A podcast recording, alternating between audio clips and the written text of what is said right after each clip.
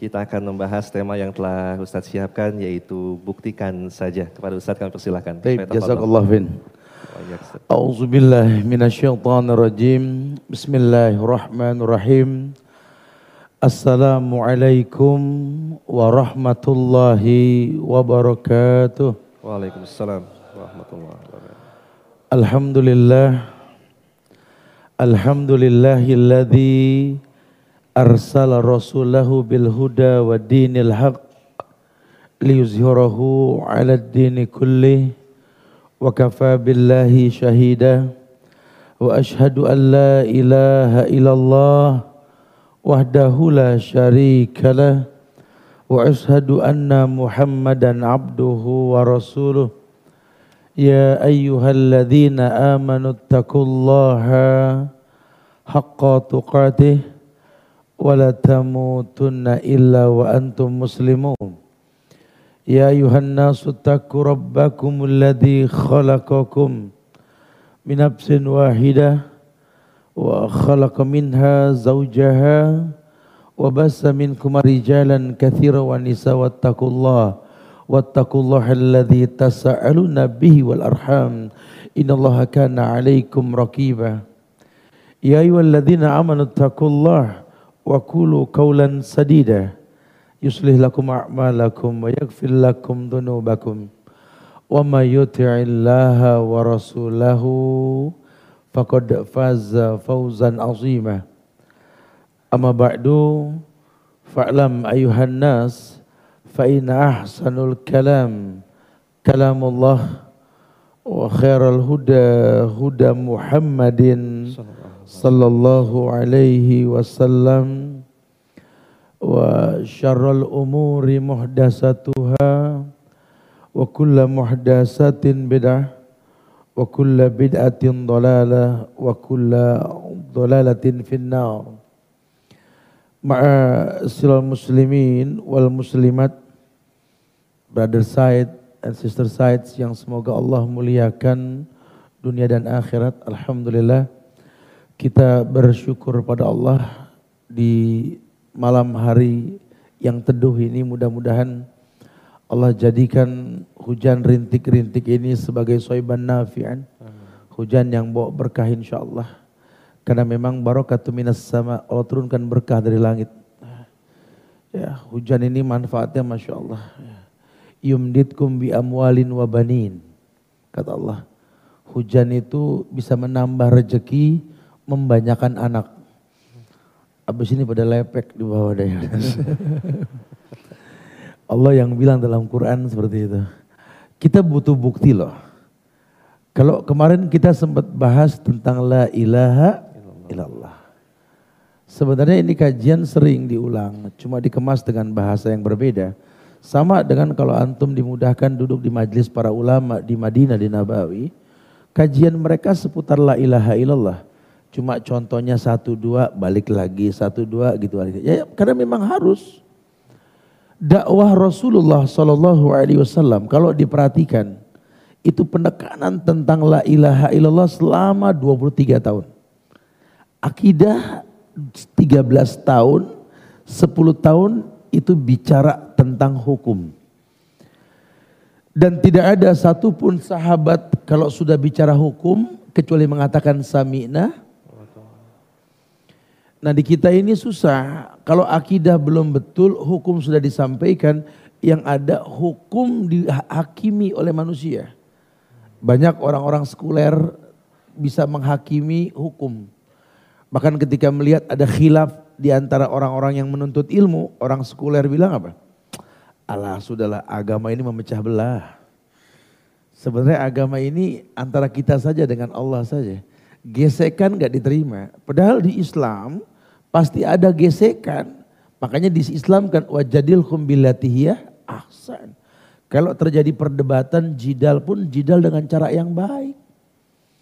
Ya. Ini banyak orang yang belum mantap tentang tauhid, tentang la ilaha illallah, sudah bicara furu'iyah. Kayak kemarin kita sempat bahas siapa sih yang gak marah la ilaha illallah dibakar. Terus jangan anggap kita firqah sesat yang berbenderakan la ilaha illallah. Tidak. yang kita bahas tentang penghinaan la ilaha illallah. Tapi kenapa nunggu dibakar dulu baru rame? Saya sedih kemarin saya lewat pada sebuah uh, jalan yang di pinggir jalan tersebut. Kemarin waktu lagi Surabaya kemarin ya, nah, saya reading itu saya lihat sebelah kiri itu ada pengrajin batu nisan. Dan dia membuat beberapa sampel batu nisan di pinggir jalan itu yang hujan ya di daerah Ponorogo apa salah lupa saya itu. Itu banyak percikan lumpur kotor yang membasahi sampel-sampel batu nisan yang dibuat. Dan di antara batu nisan tersebut bertuliskan asyhadu alla ilaha illallah, ada yang la ilaha illallah. Ini pelecehan bukan? Pelecehan. Sama dong la ilaha illallah ditulis pada batu nisan, pada keramik, diletakkan di kuburan yang malam di apa kena kotoran anjing, kucing atau apa. Ya, sebenarnya bukan itu permasalahannya. Kalau cuma tulisan yang dibahas akan ada fikih kontemporer terus tambah permasalahan. Tapi zaman Rasul la ilaha illallah itu mangkusun fi qalb. Terukir dalam hati. Sensitifnya para sahabat melihat tali di leher unta, di leher kuda, bekas panah. Ini melambangkan kesyirikan. Mereka tahu. Karena mereka paham la ilaha illallah. Sensitifnya Umar sampai menggantikan Khalid bin Walid dengan Abu Ubaidah bin Zarrah. Kenapa? Karena melihat ada kesyirikan di masyarakat dan tidak mungkin ada kemenangan. Karena orang berkata di mana ada Khalid bin Walid di situ ada kemenangan. Umar paham ganti Khalid. Ini sudah melanggar la ilaha illallah ya bukan tulisan yang dipermasalahkan, mungkin bisa dipermasalahkan, tapi lebih kepada akidah. Ini pelecehan lah kalau sampai dianggap benar sedekah laut itu cuma budaya. Ini melecehkan la ilaha illallah. Karena kalau orang sudah berkata la ilaha illallah tegas. La ma'budah bihaqqin illallah.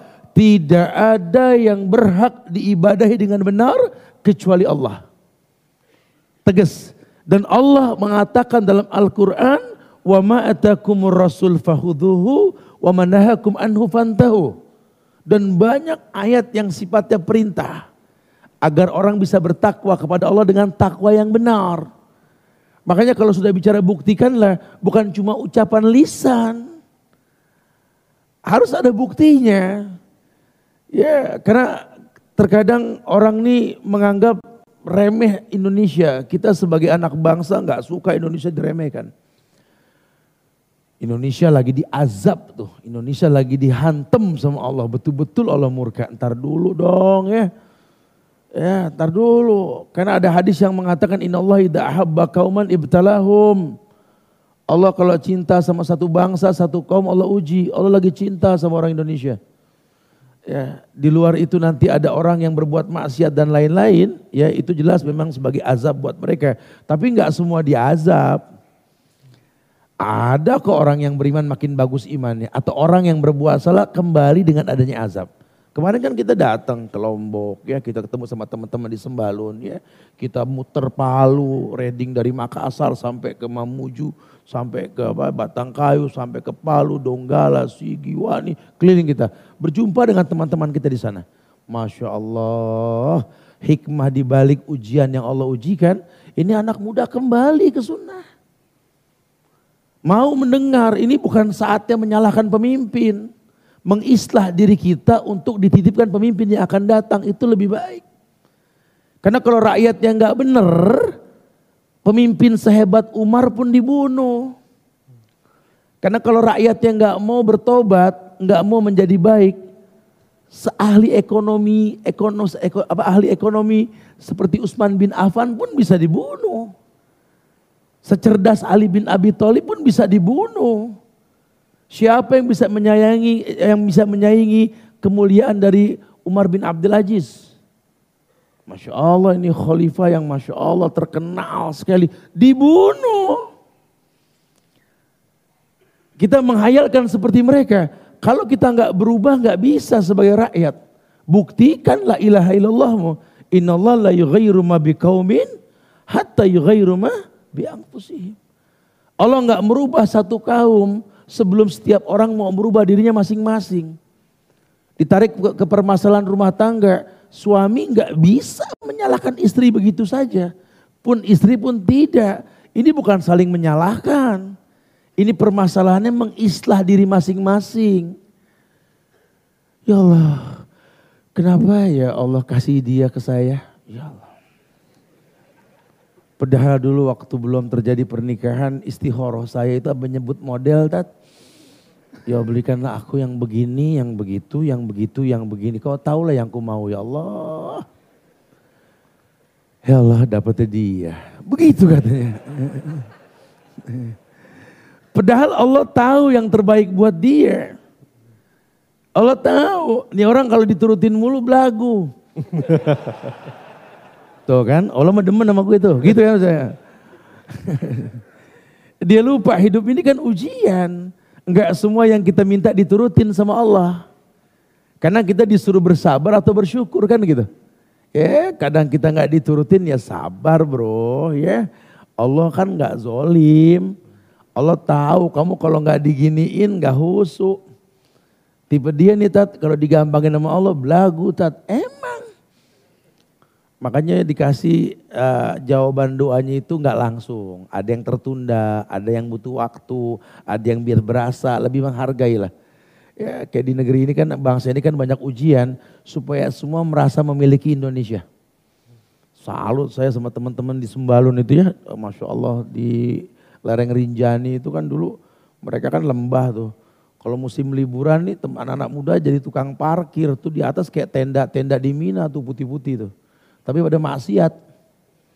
Allah turunkan azab, sekarang mereka bilang sendiri, sekarang tidak, kami bakal jaga kota kami untuk kebaikan. Saat itu yang dimaksud. Ya, dan macam pada berasa seperti itu. Lihat cara Allah mendewasakan manusia, lihat. Nah, banyak bukti yang perlu ditegaskan. Bukti yang pertama, Tentu ketika kita bicara syahadat, asyhadu alla ilaha illallah, ini kita dituntut untuk beramal sesuai dengan tuntunan dan kandungannya. Ada sebuah riwayat, man syahida alla ilaha illallah wahdahu la syarikalah wa anna muhammadan abduhu wa rasuluh wa ana isa abdullahi wa rasuluh wa kalimatu alquha ila maryam wa ruhun minhu wal jannatu haq wan naru haq adkhalallahu jannah ala makana minal amal. Ya, ada sebuah riwayat yang sahih, Rasul pernah bersabda dalam kitab Sahihain Bukhari Muslim ini. Kata Rasul, "Man syahida alla ilaha illallah wahdahu la syarikalah." Orang yang bersaksi bahwa tidak ada ilah yang berhak diibadahi dan benar kecuali Allah dan tidak ada kesyirikan dengannya wa anna Muhammad abdu wa rasuluh dan dia bersaksi Nabi Muhammad hamba dan rasulnya. Tentu konsekuensinya yang pertama tidak berbuat syirik dan yang kedua tidak butuh contoh kecuali beliau Muhammad bin Abdullah sallallahu alaihi wasallam. Karena sekarang banyak orang mengatasnamakan cinta pada setiap ibadah yang dilakukan. Wah, antum gak ikut ritual ini ya, berarti antum gak mencintai Rasul. Oh, ini orang kalau ngomong sembarangan ya. Yang mengerti cinta ke Rasul itu bukan cuma kita umat di akhir zaman. Semua sahabat Nabi cinta Rasul. Semua istri Nabi cinta Rasul. Aisyah radhiyallahu anha itu wafat lebih dari 40 tahun setelah wafatnya Rasul. Dan kita tahu istri yang paling mencintai Rasul ya salah satunya Aisyah. Pernahkah beliau membuat sebuah ritual mengatasnamakan cinta seperti yang kita lakukan sekarang? Cinta ente sama cinta Aisyah gedean mana bro? Begitu bahasanya, dengan simpel saja ya. Sahabat juga sama, ada yang hidup sampai 60 tahun lebih. Anas bin Malik kalau nggak salah itu ya, sampai 100 lebih kan usianya itu. Bahkan Asma binti Abu Bakar itu pun sampai 100 tahun lebih. Sampai buta matanya dan dia menjadi saksi kematian Abdullah bin Zubair bin Awam itu. Banyak sahabat yang meninggal udah sekian tahun dengan wafatnya Rasul. Mereka semua cinta. Umar ibn Khattab cinta nggak nerima wafatnya Rasul loh. Saking cintanya berlebihan. Abu Bakar yang ingetin. Barang siapa menyembah Muhammad, Muhammad wafat. Tapi yang menyembah Allah, Allah hayun layamud. Cinta Umar. Tapi Umar nggak pernah membuat ritual mengatasnamakan cinta tanpa contoh yang pernah dicontohkan. Karena dia tahu kesempurnaan agama dengan ittiba. Maka ketika kita mengatakan wa anna Muhammadan abduhu wa rasuluh dia tidak akan pernah berani beribadah kecuali menanti syariat. Wa ma atakum rasul fakhudhuhu wa manahakum anhu fantahu. Makanya Rasul bilang, ini banyak keluh kesah nih ya, perempuan merasa terzolimi ketika menuntut kasih sayang dari seorang laki-laki, seakan-akan kayaknya capek sendiri Ustaz. Saya nasihatin suami suruh ngaji, suruh gini capek sendiri. Kayaknya saya berjuang untuk cinta saya sendiri Ustaz. Laki-laki kadang-kadang udah deh kamu nih gini, kamu nih gitu. Oh Masya Allah. Nabi enggak buktikan la ilaha illallah dengan apa? Khiyarukum khiyarukum linisaikum.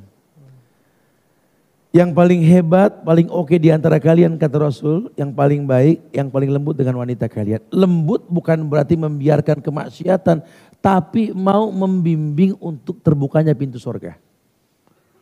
Anak ke orang tua berbakti. Pemimpin kepada keluarganya, suami kepada keluarganya, kepada rakyatnya pun memberikan arahan yang baik. Bukti la ilaha illallah. Bukan sembarangan, bukan. Buktikan kalau memang Anda mengatasnamakan la ilaha illallah, bisa gak Anda gak berbuat syirik? Ini negeri marah la ilaha illallah dibakar. Buktiin, udah gak ada dukun lagi punya acara di TV. Buktiin. Iya dong, ini dukun punya acara loh. Dukun pakai Twitter. Dukun berkamuflase dengan nama-nama baru. Ya, padahal dukun, dukun sudah dukun. Dia peramal, dia dukun, dia kahin, dukun sudah. Kalau memang masih membiarkan dukun merajalela, itu Pancasila sila pertama dihapus saja udah. Lalu kita punya dasar negara yang tauhidnya jelas kok. Ketuhanan yang maha harusnya kalau ada ritual hari kebak, apa, apa, kesaktian Pancasila, tolong buktiin tuh pada waktu tersebut, yakni pemerintah mencanangkan untuk menangkap satu dukun, dua dukun atau menghilangkan paranormal. Masya Allah. Ini kita cuma basah mulut, hati nggak nyatu, itu yang terjadi kita. Ah. Akhirnya kaburomaktan indallah antakulu malah Kita nggak membuktikan. Nah tidak harusnya kayak begitu. Dia tahu sekali Wa anna Isa Abdullah wa Rasuluh. Akui Isa itu ada, dia hamba dan rasulnya. Wa kalimatu alqoha ila Maryam. Yang kaitannya dengan orang tuanya Maryam bin Maryam. Ya, manusia mulia yang bernama Maryam alaihissalam diutuskan oleh Allah untuk dititipkan Nabi Allah Isa sehingga dia punya anak tanpa suami. Tapi kan waruhun minhu ditiupkan ruh kepadanya. Jangan nyontoh, saya harus kayak Maryam. Beda, ntar dulu. Ntar dulu.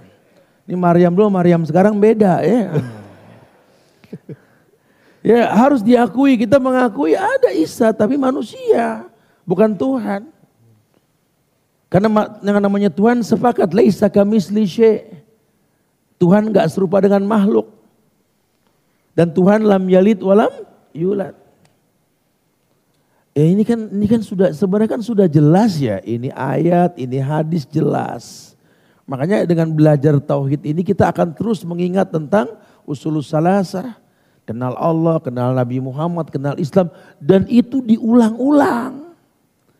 Karena kalau nggak diulang-ulang nanti hadis-hadis kayak begini cuma selayang pandang.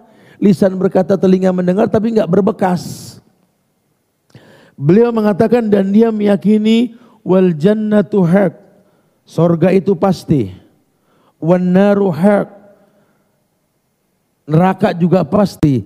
Kalau mereka sudah yakin dengan ini semua, beliau mengatakan adkhalahullahu jannah ala makana minal amal. Ini orang bakal masuk sorga dari tempat mana pun dia pilih. Eh maknanya pintu sorga ini banyak. Kalau akidah sudah betul, apa pun yang kita lakukan akan berbuah kepada pintu sorga terbuka. Uh, ya, jadi walaupun mungkin nggak langsung mati, cuma efek sebagai calon penghuni sorga sudah terasa. Uh, ya, kita nggak frontal, kita nggak dikit-dikit jihad jihad, tapi sampai sholat berantakan gitu loh. Pokoknya kita harus jihad bersama-sama. Ayo, cuma jangan sampai talbis dong. Masa jihad istinya ikhtilat. Jihad istinya sholat berantakan. Bahkan banyak yang nggak sholat. Waduh ini bahaya ah. Hati-hati kita bicara kualitas bukan kuantitas loh. Ah, ya. Kemenangan datang dengan keimanan dan ketakwaan kita kata Rasul. Bukan bicara jumlah. Karena kalau sudah bicara jumlah kata Rasul. Akhir zaman nanti antum kathir. Walakinnakum gusa ka gusa isail.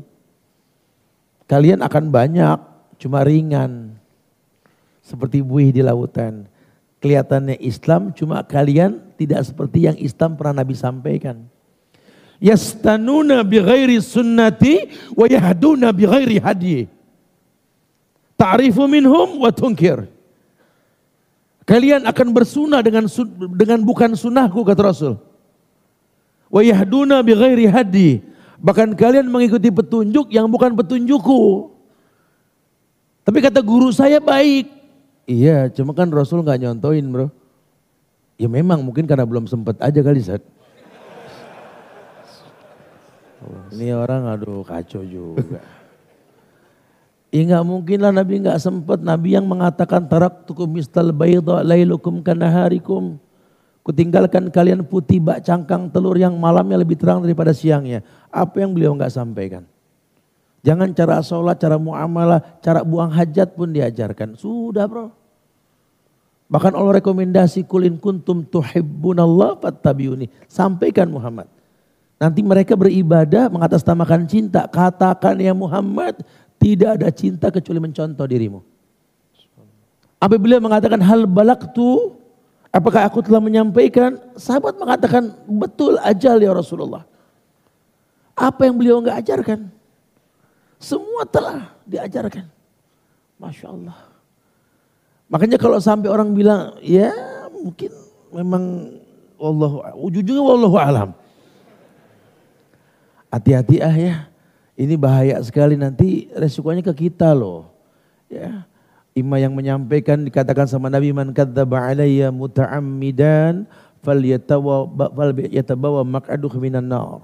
Orang yang berdusta mengatasnamakan diriku suruh ambil bangku duduk di neraka.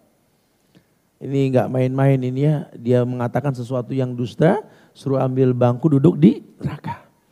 Bahkan beliau pun mengatakan bahwa uh, laisa alaihi amruna fahuwa raddun. Man amila amalan laisa alaihi amruna fahuwa raddun. Kalau nanti ada orang yang beramal soleh, tak ada contoh dariku, rodun tolak. Jadi kalau antum pegang ini hukum, nggak mau ngikutin yang orang-orang melakukan ini, karena merasa Nabi nggak mencontohkan, jangan sampai disalahkan. Dia benar, dia mau beragama dengan contoh. Kalau nggak ada contohnya enggak. Ya, kita jangan gampang untuk ikut-ikutan, karena agama bukan bicara kuantitas, bicara kualitas. Ah, ya, Masya Allah. Taib, Kemudian bukti la ilaha illallah yang lain. Ulama mengatakan mereka beriman dan konsisten dalam melaksanakan ketaatan, menjauhi kemaksiatan. Ada dalam Quran surat Al-Kahfi 107 108 ketika Allah berfirman, "Innal ladzina amanu wa 'amilus solihat kanat lahum jannatul firdausin nuzulah khalidina fiha la yabghuna anha hiwalah." Bukti la ilaha illallah yang kedua, ketika dia sudah mengatakan asyhadu an la ilaha illallah wa anna Muhammad Rasulullah, dia seorang muslim. Keislamannya inilah yang akan menyempurnakan iman yang dia miliki. Karena level berikutnya innal muslimina wal muslimat wal mu'minina wal mu'minat. Orang Islam, orang beriman. Baru wal qanitina wal qanitat. Orang yang patuh. Gimana orang Islam bisa patuh tanpa iman? Susah. Allah bilang, orang yang beriman dan beramal soleh. Allah janji, kanat lahum jannatul firdausin nusulah. Jannahnya jamak jannatul firdausin nuzulah. Sorga-sorga firdaus yang telah disiapkan. Khalidina fiha layabghuna anha hiwalah. Nanti dia di sorga itu kekal dan gak mau keluar dari sorga. Iman nanti di sana atau di dunia dia akan istiqomah di atas kebenaran. Karena yang namanya iman itu ada hilwah, ada rasa manis. Makanya kata Nabi mengatakan halawatul iman. Orang akan merasakan manisnya iman, manisnya Islam. Itu Bilal merasakan itu ahad, ahad di atas tekanan batu besar di tengah-tengah gurun Sahara yang panas. Yang dia rasakan manisnya iman. Gak ada khawatir. Kita mungkin belum selevel Bilal. Paling baru diancam gak dikasih gawe ya sama bapak. Lu gak berhenti dari belajar yang enggak-enggak begini gak ada gawe. Paling begitu doang. Terusin. La ta'ata li mahlukin fi ma'syatil khalik. Tidak ada taat kepada makhluk ya, untuk apa, kepada Allah dengan mentaati Allah tidak ada. Kita nggak boleh patuh kepada makhluk untuk maksiat kepada Allah nggak boleh. Cuma gara-gara nunggu gaji bulanan. Berani menggadaikan auratnya. Innalillah. Ya saya ketemu sama beberapa akhwat ini cukup kaget juga. Kita masuk ke instansi ini Subhanallah. Ya Allah siapa lagi saya bilang. Kenalin enggak Ustaz? Ya aduh aku gak kenal. Kata aduh. Yang di Rabanian Ustaz. Oh Masya Allah. Kemarin rapet lo jadi ngablak begini. Tahu deh Ustaz ya Allah tuntutan dunia Ustaz. Kalau nggak gini nggak digaji. Subhanallah. Eh Jones dengerin ya. Tinggal tanya emang gajinya berapa sampai digadein tuh aurat? Ya gaji sih kotor 5 jutaan saat. Tapi buka aurat, iya. Tambahin sejuta nungguin kita dia di rumah, betul ya? Jones tuh harusnya maju tuh. Ini nyisir mulu kawin takut gimana sih? Nungguin dajal turun. Nah. Seberapa susah jadi praktekin besok nih ya. iya dong ya, dengan gaji segitu dia gadaikan aurat. Semangat dikit deh taklukan dunia, yuk jadi kecil kepala tri lebih hebat ketimbang gede ekor kakap. Tunggu aku ya, ku tambah sejuta keluar dari sini. Tuh Jones sejati. Ya. Jangan cuma modif main modif mulu kawin kagak ya jangan harus betul-betul maksimal ya. Jadi memang dimaksimalkan konsisten dong ada buktinya iya. Makanya orang yang beriman dan beramal soleh. Uh, surat Fusilat ayat 30. Fusilat itu surat keempat satu ya. Allah berfirman, Innal ladhina qalu rabbunallah thumma istaqamu tatanazzalu alaihimul malaika alla takhafu wa la tahzanu wa abshiru bil jannati allati kuntum tu'adun. Ada ayat bukti bahwa Anda telah tahu la ilaha illallah. Innal ladina qalu rabbunallah. Orang yang berkata rabbunallah karena la ilaha illallah tadi, ya. Summa Kemudian dia istiqomah. Nah, kalau masalah istiqomah selalu banyak yang nanya ini. Ustadz gimana Ustadz biar istiqomah Tat? Aneh pengen istiqomah Tat. Sampai tiap hari sholat di masjid istiqomah. Enggak ngaruh. Itu istiqomah yang salah itu ya. Entar kalau di masjid yang lain enggak istiqomah lagi. Gimana sih biar istiqomah? Dia berani mengikrarkan kalau Rabbun Allah. Artinya dia paham rububiyahnya Allah. Dia orang yang nerima takdir, dia berhusnuzon. Rabbunallah, Allah yang menciptakan diriku dengan proses. Rabbunallah. Maka dibilang, thumma kemudian istakomo. Kemudian dia istiqomah, istiqomah. Allah bilang, kalau dia betul paham la ilaha illallah dan dia istiqomah konsisten ketika selesai mengatakan la ilaha illallah tadi, tatanazzalu alaihimul malaikah. Allah yang bilang malaikat bakal turun.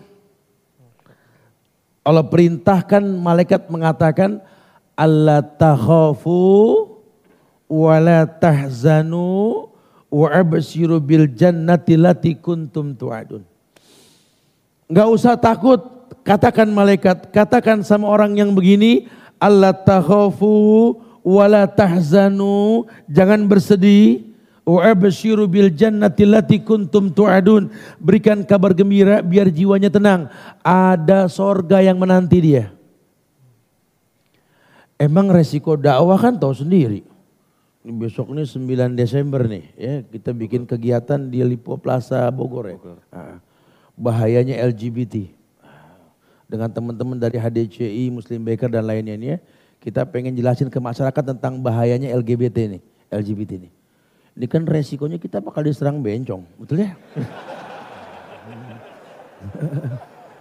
Panjang nih urusannya nih Ben. Nah, ya. Ente mau acara juga ntar mau. Cegat. ya resikonya berat, tapi nggak apa-apa sampein aja. Ah. Karena bahaya. Nah sekarang kalau sampai banyak pasangan menyimpang, sementara ada hadis yang mengatakan la'anallah al mutasabbih minar rijal wal mutasabbihat minan nisa. Allah melaknat laki-laki yang kayak perempuan, perempuan kayak laki-laki, dilaknat. Pantesan gak beres-beres ujian. Lawang dikasih piala. Kan dikasih nasihat, diarahin. Yuk tobat yuk. Mumpung belum terlambat. Orang masih hidup masih bisa berubah. Coba ada rukyah, yuk bertobat, yuk hijrah, yuk belajar. Al amal bi khawatimiha, amal tergantung akhir. Bukan dikaryakan. Penyakit kok dikaryakan. Diarahkan, dientertain, jadi pembawa acara, jadi ini, jadi jangan ini penyakit sembuhin. Dinasehatin, ini urusannya laknat. Bukan dianggap lumrah dan biasa. Ya kan gak ada yang bisa memilih. Ya ilah nih orang. Ngapa jadi begini ya? Arahkan kamu salah ya. Penyebabnya macam-macam dicari. Yuk kita dukung untuk berubah ya. Indahnya Islam ini kan al-amal bi khawatimiha. Amal kan tergantung akhir bukan awal ya udahlah siapa pun kamu dulu, sekarang kamu bisa bertobat kok. Sorga milik Allah loh, bukan milik manusia. Kan pernah disampaikan dulu-dulu orang pengen masuk sorga, kudu jadi nabi dulu. Jadi rasul, dan kita udah gak mungkin dah kalau gitu gak kebagian sorga dah. Orang pengen masuk sorga, harus jadi sahabat nabi dulu. Dan itu udah gak mungkin juga kan. Jadi tabiin, jadi tabiut, tabiin jadi ulama. Wah kayak gak kebagian tempat Ustaz. Cuma kan indahnya Islam ini kan Allah pun kasih kesempatan hatta orang yang mau tobat meninggal di tengah jalan kalau deketan ke tempat tobat sorga. Makanya kita nggak bisa jadi hakim buat agama orang lain. Antum yang sudah syar'i, berpenampilan syar'i, sudah sholat di masjid, satu waktu ngelihat anak muda yang berpenampilan belum syar'i, cuma lagi belajar syar'i ke masjid mungkin celananya masih isbal tapi digulung lah. Ya. Saya nggak bilang gulung itu benar, cuma kita ngelihat dia digulung dan dia ke masjid. Kita jangan jadi hakim, lihat loh. Finar. Di neraka gitu loh. Harusnya antum bersyukur ya. Ini anak muda mau ke masjid sholat berjamaah. Dulu antum seumuran dia lagi ngapain? lagi mirit betul. perempuan udah sari pakai hijab rapi, ngelihat ada perempuan muda baru pakai kerudung model gantung diri gitu ya. Langsung gitu ya. Harusnya ente bersyukur nih perempuan muda lagi cakep-cakepnya tutup rambut Dulu waktu ente seumuran dia lagi tinggi-tinggian jambul, betul? Hargai sih perubahan. Sama dengan panitia-panitia kajian, Ustadz jangan suuzon saat panitia nggak belajar, ente kan nggak nanya. Ada panitia yang memang nggak belajar, ada salah tuh panitia. Tapi kalau ada panitia yang memang cara belajarnya dia mengambil pahala ngajak orang berbuat baik belajar bersama, Malaysia sambil menyelam minum air. Ini dibikin panitia deg-degan ada ustadz yang bilang nih panitia ini nggak pernah belajar, pernah ngobrol belum tat? Tanya dulu, ada yang nggak begitu. Tolong dong hargai perubahan. Manusia kan ada yang bisa berubah dengan cara begini begitu. Ada ragam. Ada sahabat yang langsung beriman, ada yang butuh waktu. Iya, tapi kita belajar berhusnuzon. Orang bisa berubah. Ayo kita rangkul. Kalau ada yang salah dirangkul, dididik. Bukan dihujat seakan-akan udah nggak perlu masuk surga. Nggak bisa begitu bro. Waduh. Urusannya bahaya kalau agama kayak begini. Ya. Agama ini kan solusi, agama cara yang diajarkan dalam Islam. Coba sih anak bangsa sudah saatnya yuk Muslim Indonesia kita ini kompak bergandeng tangan di atas manhaj yang betul. Kalau yang belum mampu untuk berubah ajarkan istighfar dan bertobat. Maka Allah akan berikan keberkahan nanti insya Allah. Karena kesempurnaan hanya milik Allah. Ini bukti la ilaha illallah. Sekarang kalau orang mengatasnamakan bukti tapi prakteknya nggak bisa bermuamalah, nggak bisa bersosialisasi, bahkan Islam menjadi sesuatu yang menakutkan, waduh bahaya. Buktikanlah Islam itu seperti itu. Allah musta'an. Masya Allah. Masya Allah. Ini jam 10 urusan ini, Bin. ya, Baik, syukuran Ustadz atas penyampaian materinya dan kita masih memiliki sedikit waktu untuk bersoal jawab insya Allah ta'ala. Dan insya Allah kita akan memandu soal jawab kita. Seperti biasa kita akan menyiapkan pertanyaan untuk brothers dan juga sister ya. Kita akan coba maksimalkan Adi Mas. Betul. Baik. Langsung aja, Baik, mungkin silakan. ada yang mau tanya dari brothers dulu kali ya. Kami harapkan pertanyaannya berkesesuaian nih supaya lebih tajam lagi materi kita malam ini. Brothers ada yang mau nanya mungkin? Untuk brothers yang uh, harus meninggalkan ruangan kajian ini karena ada uzur syari, bisa melipir ke sebelah kanan dan kiri karena di tengah ada kamera yang sedang live streaming okay. dan teman-teman kita dari luar kota yang nggak bisa hadir juga sedang menyimak insya Allah. Ya. Mungkin dari brothers ada yang mau nanya? Atau sister dulu? Ah, ada nih di sini Bang Afil. Oke, okay, baik. Mic-nya ada? Mic-nya. Afwan bisa dioper. Silakan, tolong sebutkan nama dan uh, tinggalnya di mana ah. Namanya Fadli dari Depok. Ya, silakan Fadli. Silakan Fadli. Ustaz Suban mau nanya kalau misalnya kita nih dari pas sendirian itu Ustaz gimana menjaga la ilaha illallah ketika sendirian karena ya. kerap kali kan kalau sendirian itu suka slip kan. Hmm. Karena merasa nggak ada yang lihat gitu. Baik, Masya Allah. Masya Allah. Iya. Uh, sebenarnya salah satu bentuk bukti la ilaha illallah bahwa kita itu beriman kepada Allah di mana pun kita berada. Ya, dalam keadaan zahiran maupun batinan. Ya, alladzina yunfikuna fis sarra'i wad Dalam kondisi senang maupun susah. Terang-terangan maupun tersembunyi gitu loh. Ya, bagaimana cara menjaga supaya kita nggak macam-macam ketika sendiri, Ustaz? Ya kitanya memang harus kenal Allah dengan betul bahwa Allah melihat semua yang kita lakukan. Allah ciptakan malaikat di kiri kanan kita ini inna alaikum lahafizin kiraman katibin ya'lamu nama taf'alun. Terus diingetin. Karena boleh jadi kita lupa satu waktu. Dengan banyak belajar kita ingat terus gitu loh ya. Dengan berteman yang baik. Kemudian kita juga tahu bahwa ya'lamu kha'inatal a'yun wa matukhfis sudur. Allah tuh tahu yang mata kamu berkhianat di balik riben kacamatamu itu kamu melirik Allah tahu. Di balik mobil kaca mobil kamu yang gelap Allah tahu gitu loh. Wa tukhfis sudur dalam dadamu pun Allah tahu. Ah, dengan seperti itu tuh jadi rem sebenarnya ya.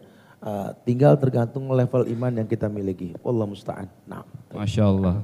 Jadi muraqabatullah ya Ustaz ya. Iya. Merasa Allah ngeliatin kita terus Ustaz. kasih gantungan Masya kunci Allah. buat ente nih ya.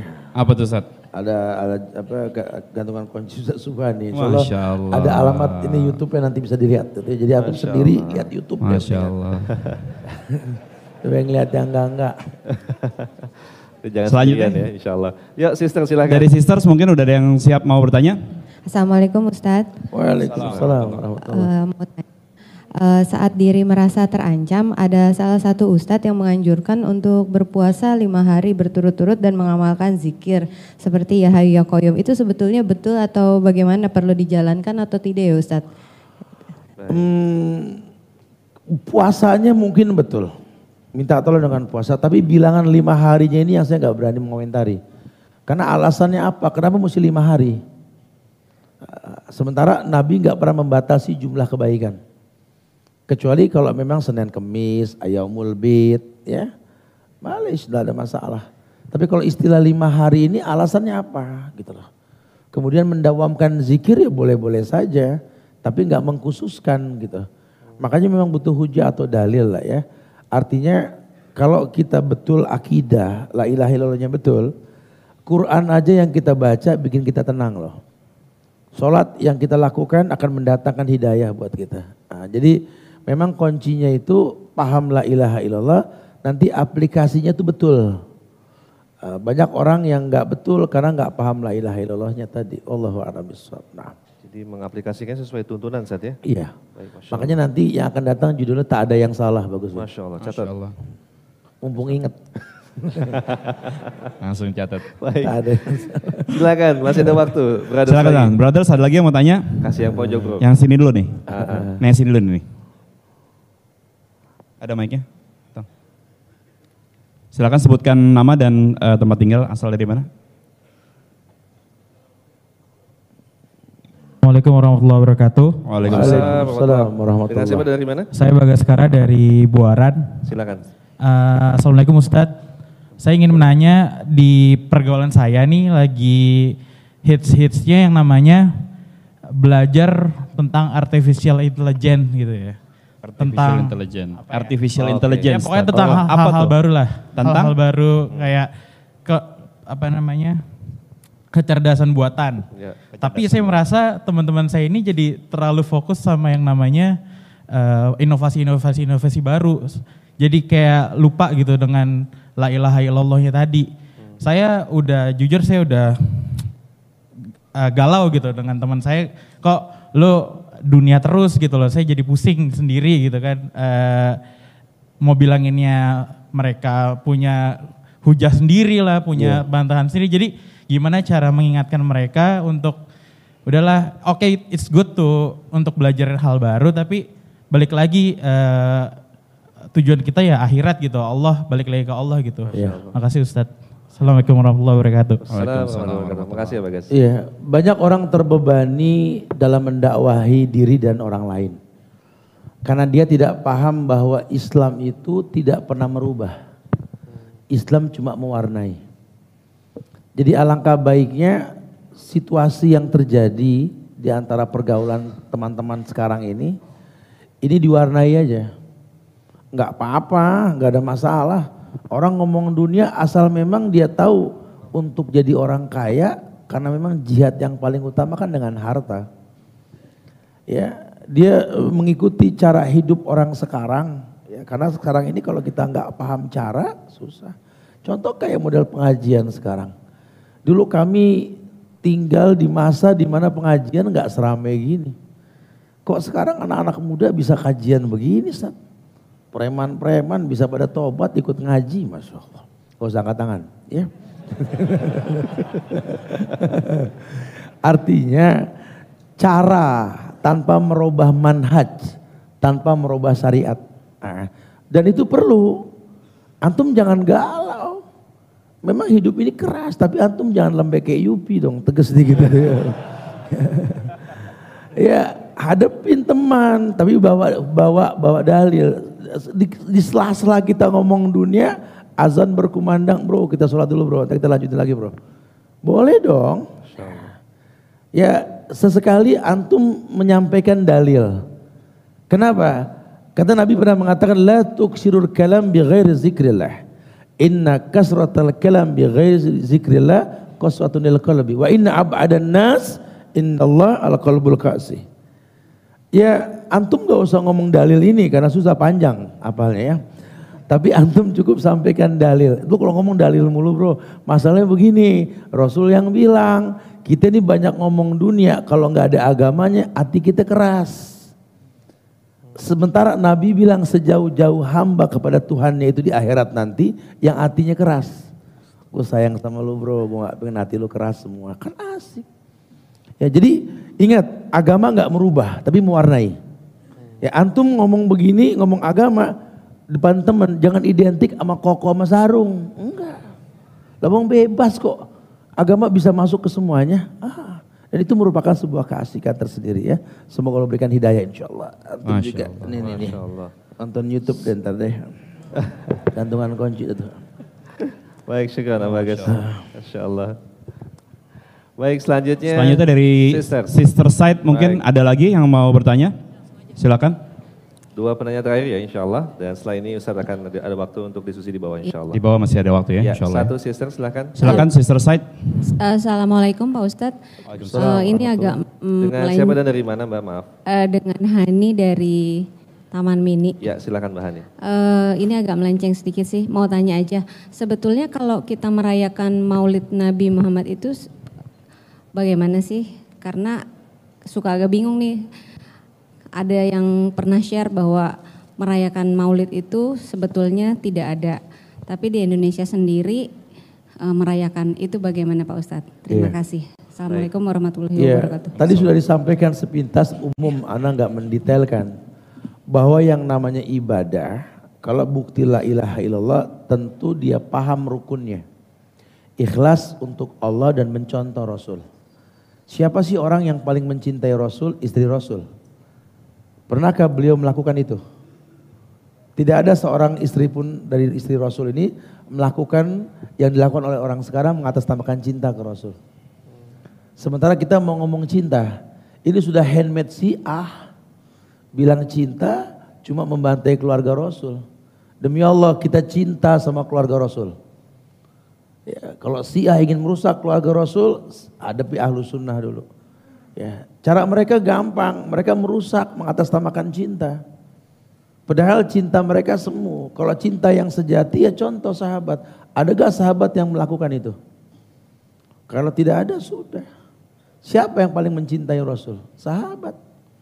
Dulu ada sahabat ngelihat di beberapa negara Parsi, ya itu orang kalau ketemu rajanya itu ada yang sujud, ada yang berdiri ketika rajanya datang. Sementara sahabat bilang yang paling berhak untuk dihormati Rasul. Tidaklah satu ludah Nabi jatuh kecuali sahabat nangkep. Nabi bilang tidak perlu. Sampai sahabat ada yang betul-betul sampai ikhtiram sama Nabi. Tapi mereka nggak pernah berbuat seperti yang kita berbuat pada hari ini. Cuma mau bilang apa? Karena bid'ah ini mendominasi, mereka pakai bisa bicara jumlah. Kalau ini nggak benar, nggak mungkin sebanyak ini Ustaz. Innalillah. Nabi kan sudah bilang, Allah tolong kita bukan dengan kuantitas tapi kualitas. Kemarin yang Rabanian bikin umroh apa sejarah, kan kita ngobrol kan di Badar kemarin kan. Ketika di perang Badar itu, Nabi bilang jumlah kita tidak sebanyak jumlah pasukan Abu Sofyan di Badar. Seribu kali tiga, melawan 313. Kita cuma 313. Wahai umat dengarkan kata Rasul. Kemenangan kita nanti ini karena iman dan takwa kita bukan jumlah kita. Masya Allah. Jadi orang terkecoh sekarang karena bicara jumlah bukan bicara kualitas. Makanya nggak usah khawatir, tetap konsentrasi pada kualitas iman yang kita miliki. Ya, jadi uh, butuh contoh dan insya Allah tidak. Atau kalau kamu sekarang punya handphone, kamu kamu coba tanya di googling ya, siapa yang pertama kali mengadakan ritual itu? Nanti akan keluar tuh abad keempat Hijriah.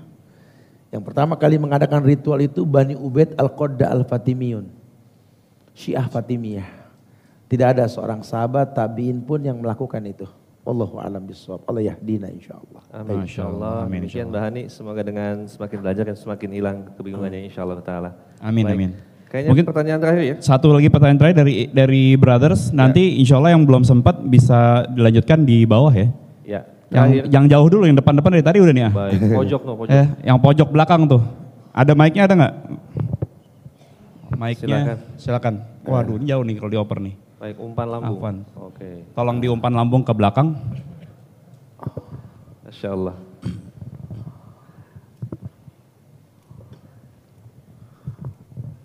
Dan bagi yang sedang berjalan menuju keluar, hati-hati tangganya licin untuk bisa saling menjaga insya Allah ta'ala. Baik, silakan dengan siapa dan dari mana? Silakan. Ya, silakan Mas. Assalamualaikum warahmatullahi wabarakatuh. Waalaikumsalam warahmatullahi wabarakatuh. Uh, ya, saya Fauzan Wahab dari Mampang. Ya, silakan Mas Fauzan. Uh, yang ingin saya tanyakan, uh, salah satu kunci untuk masuk surga kan la ilaha illallah. Dan saya mau tahu lagi kalau kan udah banyak sahabat yang dijamin masuk surga. Yang saya mau tanya uh, apa yang dilakukan sahabat-sahabat yang udah dijamin masuk surga pada waktu luangnya dia, waktu luangnya mereka. Terima Masya kasih. Allah. Assalamualaikum. Allah. Terima kasih ya Fauzan. Iya. Uh, kalau antum baca sejarah para sahabat, mereka orang yang tidak pernah menyia-nyiakan waktu di atas dunia. Kalau mau lihat sahabat ya lihat ulama. Ulama sibuk loh, kita mah nggak sesibuk ulama kali. Ulama nggak ada yang istrinya satu. Iya. Dari zaman sahabat, zaman ulama ya, Imam Syafi'i apa semua, Imam Malik. Anaknya banyak, mereka juga kerja. Karena ngajar gini nih, ini bukan kerja, ini kewajiban. Kerja lain lagi. Kerja lain, ngajar lain, Anak banyak, istri banyak, sibuk mereka. Tapi mereka tetap bisa loh ngapal Quran, bisa ngapal ribuan hadis. Bahkan mereka ahli sanat dalam hadis, belum mengarang buku, belum ngaji. Uh, sibuk mereka. Kita bini atu, anak atu, nggak sempet ngaji. Mending nih belum punya bini, masih nggak bisa ngaji. Astagfirullahaladzim. Coba sih timbulin malu gitu loh. Kan saya uh, kemarin ya di apa umroh kita kemarin nah. kita ke museum Quran kan? Yes, ya. Itu ada seorang perempuan yang dia seorang istri dan punya anak banyak, membantu suaminya berdagang. Orang miskin dari Bangladesh. Dia bisa membuat Quran, tulisannya itu sulaman tangannya sendiri. Selama 30 tahun punya anak banyak, bantu dagang suami, dan dia jadi penghafal Quran, bahkan nyulam Quran satu Quran. Kita anak satu dua dipegang babysitter. HP mulu HP. Kalau nggak ngambek cemburu, diam ngambek cemburu. Kapan wiridnya nih orang? Ya coba, coba lawan nih keburukan dalam diri kita dengan melihat yang seperti itu. Nah para sahabat Nabi itu sama. Tidak ada satu orang pun yang tahu kecuali ketika wafatnya Ali. Selama ini yang membawa beras, membawa makanan buat para fakir miskin Ali sebagai khalifah. Di mana buktinya? Ketika dimandikan mayitnya ada bekas tambang di pundak Ali. Dia berbuat baik orang nggak ada yang tahu. Orang mencemooh Khalid bin Walid meninggal di atas kasur bukan di medan tempur. Ketika dimandikan mayitnya semua orang menangis. Kenapa? Karena tidaklah satu pori-pori pada badan Khalid bin Walid kecuali bekas sayatan pedang di medan tempur. Orang tidak ada yang tahu. Dan banyak sahabat-sahabat mulia yang seperti itu. Masya Allah. Ya jadi mereka orang yang menyembunyikan kebaikan. Kita kan mentransparasikan kebaikan. Makanya saya suka bilang sama teman-teman, lurusin niat deh. Ini kita habis kajian kayak gini nih, sempetin deh malam bangun. Nangis sama Allah, minta ampun kalau ada kesalahan dalam penyampaian tadi ya Allah. Nabi Allah Ibrahim bikin Ka'bah, selesai bikin Ka'bah dia bilang, Rabbana taqabbal minna ya Allah, takut salah, terimalah yang ku perbuat. Apalagi kita. Nah para sahabat tuh orang yang memohon ampun kepada Allah dikala sendiri maupun bersama-sama. Wallahu a'lam nah, Masya Allah, semoga Allah mudahkan kita semua untuk melakukan amal-amal baik ya. Amin insya Allah. Baik Ustadz, terima kasih banyak atas Amin. waktunya. Syukur jazakallah khair. Dan kepada antum semua yang telah hadir, kami ucapkan jazakumullah khair dan semoga kita mohon kepada Allah apa yang kita laksanakan pada malam ini menjadi sebuah amal yang diterima. Amin. Dan semoga Allah mudahkan kita untuk bisa bertemu kembali di Rabu yang akan datang insyaallah. Amin insyaallah. Yuk kita akhiri majlis kita dengan membaca doa kafaratul majlis. Subhanakallahumma bihamdika asyhadu an la ilaha illa anta astaghfiruka wa atubu ilaik. Assalamualaikum warahmatullahi wabarakatuh. Waalaikumsalam.